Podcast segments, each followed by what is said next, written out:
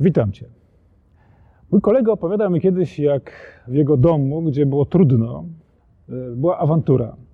Ojciec, który był alkoholikiem, strasznie się wydzierał i on jako chłopiec czekał cały czas, aż ktoś wreszcie zapuka w te drzwi i powie, co tu się dzieje, zainterweniuje.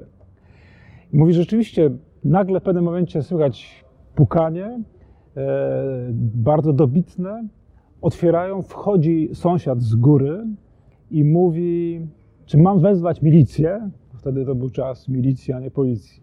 I ten mój kolega zapamiętał tamtą interwencję jako coś po prostu zbawczego. Pierwszy rodzaj posłania to jest posłania z misją uwolnienia.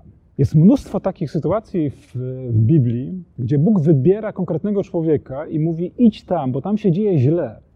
Idź tam i trzeba podnieść na duchu tych ludzi, którzy są pod butem jakiegoś szaleńca, wariata, e, psychopaty, kogoś, kto sobie uroił, że ma prawo niszczyć innych ludzi. Wokół nas mnóstwo jest takich sytuacji, które wymagają interwencji.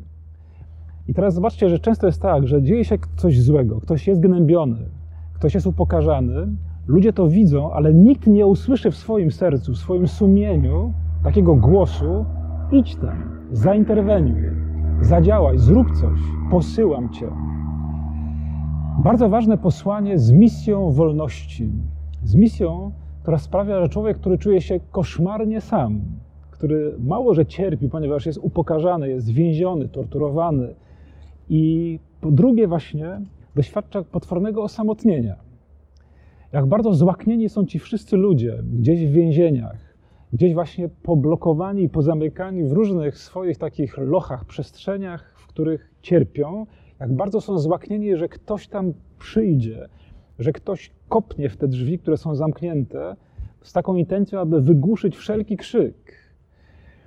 E, czy kiedykolwiek doświadczyłeś tego, doświadczyłaś czegoś takiego, że usłyszałeś w swoim sumieniu: idź, idź i zrób coś, aby zapobiec rozprzestrzenianiu się tragedii, zła, krzywdy. Czy słyszysz krzyk tych, którzy wołają o pomoc? Idź, posyłam Cię, abyś tam wniósł nadzieję, abyś tam pocieszył tych, którzy płaczą. Izajasz mówi: Pocieszcie mój lud w imieniu Boga. I on sam staje się prorokiem pocieszenia. Mojżesz, który zostaje posłany do ludu wybranego w Egipcie, staje się posłańcem Boga. On się opiera, bo boi się, że ten jego głos, ta interwencja nie zostanie przyjęta. Ale mimo wszystko idzie wreszcie za tym przynagleniem Boga. Nie czekaj, aż ktoś inny usłyszy krzyku bogich. Nie czekaj, aż ktoś inny e, wstanie i pójdzie do tych, którzy są ciemiężeni. Usłysz, jak głos Twojego sumienia, jak Bóg przez głos Twojego sumienia mówi Ci, chcecie tam mieć. Poszukaj być może innych ludzi. Skrzyknij takich, którzy pomogą ci zainterweniować i podjąć tę misję, aby ratować tych, którzy są gnębieni, którzy cierpią. Nie siedź obojętnie. Możesz wnieść w czyjś świat, w czyjś smutek, w czyjąś udrękę ogromną radość, pociechę, że ten człowiek nie jest sam, że nie musi sam stawiać czoła tym różnym zagrożeniom, które są przed nim.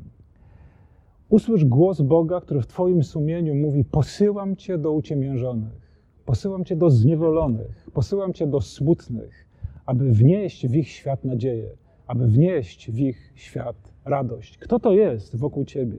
Co to jest za ciemność? Co to jest za mrok i więzienie, do którego Bóg Cię posyła, abyś przyniósł tam światło nadziei?